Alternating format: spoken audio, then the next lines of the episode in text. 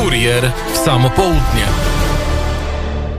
Drodzy Państwo, ostatnim gościem Kuriera w Samopołudnie jest dr Agnieszka Bryc, ekspertka, komentatorka życia bliskowschodniego, a także spraw rosyjskich, Uniwersytet Mikołaja Kopernika w Toruniu. Dzień dobry Pani doktor.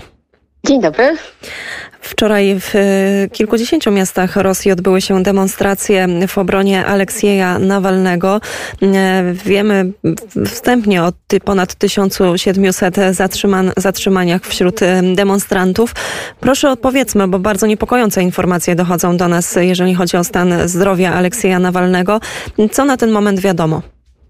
Och, y, sytuacja jest dynamiczna. Mm, Nawalny znajduje się ciągle poza swoją kolonią, czyli jest mm, w szpitalu e, w innej kolonii karnej, e, ale to jest szpital mm, taki powiedzmy nie publiczny, ale e, więzienny.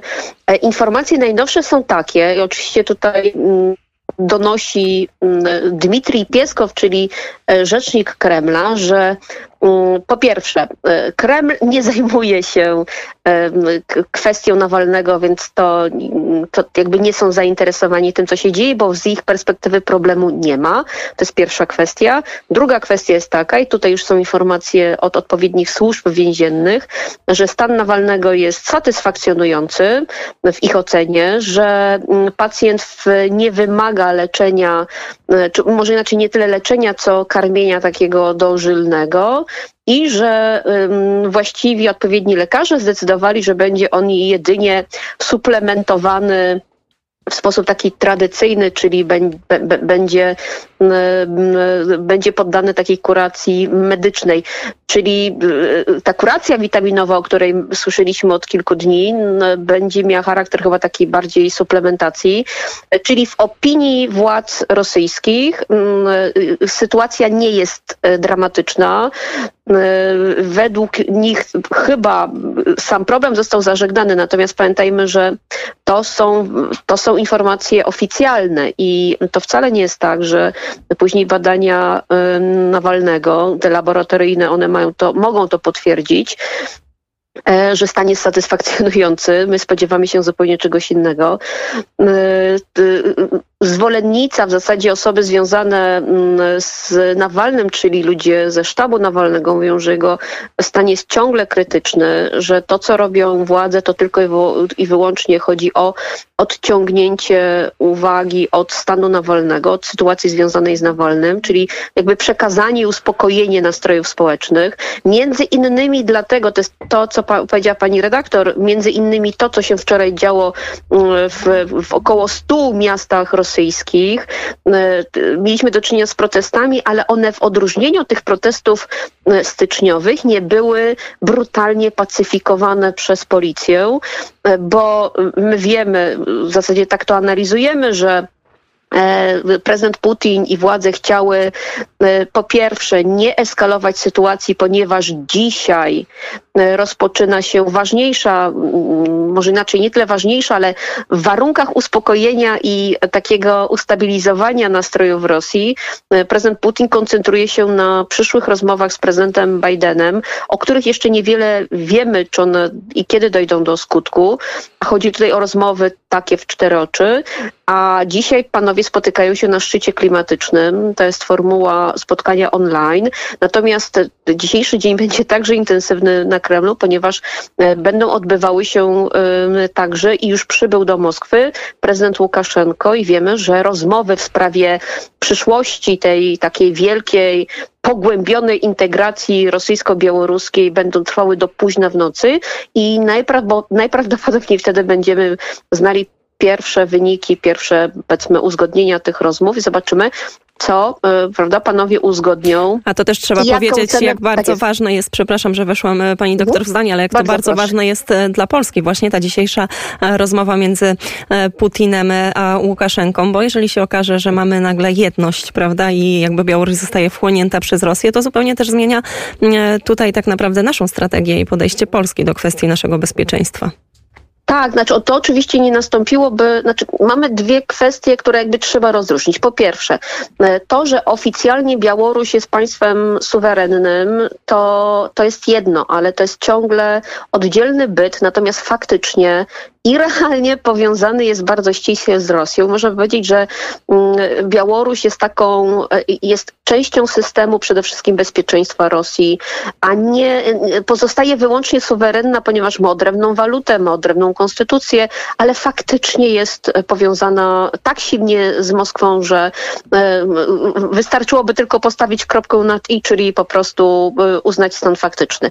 I chyba o to też chodzi, że Moskwa dąży do zmiany statusu wzajemnych relacji, czyli do tego, aby ta pogłębiona integracja miała charakter taki, że oba państwa będą miały wspólną walutę, wspólną, pewnie wspólny parlament, wspólną konstytucję, ale to wtedy trzeba byłoby znowu zmieniać, prawda? Konstytucję przyjmować na nowo, dokonywać zmian. Natomiast pamiętajmy, że to nie jest w przypadku Rosji żaden problem. Znaczy, przecież niedawno wprowadzono latem poprawki bardzo wyraźne do, do konstytucji, więc ja myślę, że prezydent byłby skłonny jeszcze raz to przeprowadzić. Natomiast e, no zobaczymy, jak bardzo się, e, jak, jakie będą uzgodnienia. E, no, jakby wszyscy jesteśmy ciekawi, ponieważ prezydent Łukaszenko jest takim mistrzem uników. On, on przez lata uciekał przed takimi nadmiernymi zobowiązaniami wobec Moskwy, ale wydaje się, że po tym, co spotkało go latem, po sfałszowanych wyborach, po tym, jak faktycznie prezydent Putin uratował jego urząd, to znaczy jego władzę, to nastał ten czas, kiedy Łukaszenko nie ma innej opcji. On za, za bardzo już niestety Pol jakby związał się z prezydentem Putinem i to jest czas zapłaty, więc zobaczymy, czy dzisiaj przypadkiem prezydent Putin nie wystawi rachunku za pomoc okazaną jeszcze, y, jeszcze w sierpniu. Więc to wszystko jest ze sobą powiązane. Wydaje się paradoksalnie, że Nawalny to jest oddzielna historia, Biden oddzielna, Donbas oddzielna i Łukaszenko oddzielna. Nie, to jest jedna historia, mm, jeden wątek tej samej polityki no, kremlowskiej. No, do, dokładnie, ale ta polityka kremlowska, co zresztą w ostatnich dniach obserwujemy e, właśnie na e, granicy rosyjsko-ukraińskiej, no staje się taka coraz bardziej agresywna, coraz bardziej e, ekspansywna. Po aresztowaniu Aleksja Nawalnego mieliśmy jakieś próby, groźby nałożenia sankcji przez Unię Europejską, mieliśmy reakcję e, Ameryki, prawda? Jakąś reakcję Polski. No i teraz e, znowu mamy Ukrainę. Pytanie, czy w jakiś sposób można powstrzymać tą taką ostrą politykę Władimira Putina i jeżeli tak, to jakimi narzędziami w ogóle dysponujemy my jako, nie wiem, Unia Europejska, jako mhm. Zachód?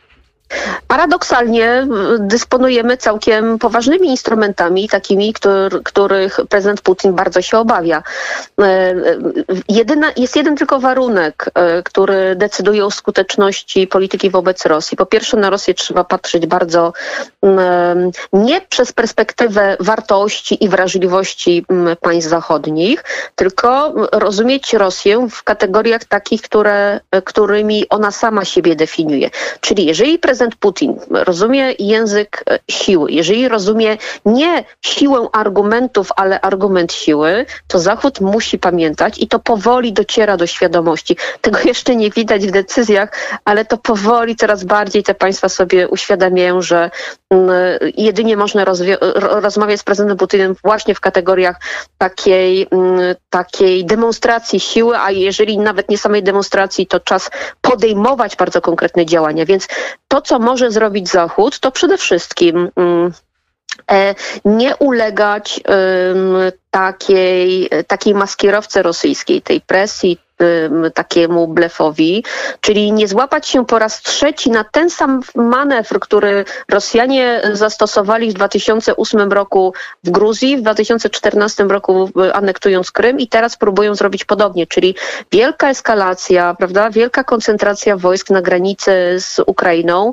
e, oczywiście z ogromnym ryzykiem e, przejścia do fazy drugiej, czyli do e, konkretnego, otwartego konfliktu, ale on ciągle jest opcją, on może może nie jest już dzisiaj tak bardzo brany pod uwagę, natomiast jest ciągle opcją na stole. Natomiast e, świadomość musimy mieć taką, że prezydent Putin próbuje e, tak bardzo wystraszyć Zachód, żeby ten był zdesperowany w tym, żeby przymusić Łukasz, e, nie Łukaszenkę, przepraszam, tylko prezydenta Zeleńskiego do tego, względem czego się bardzo opierał ostatnimi laty, czyli żeby doprowadzić do faktycznej mm, takie, do takiego usamodzielnienia i federalizacji Donbasu, a jednocześnie, żeby skutecznie uniemożliwić akcesję czy zbliżenie dalsze Ukrainy z NATO.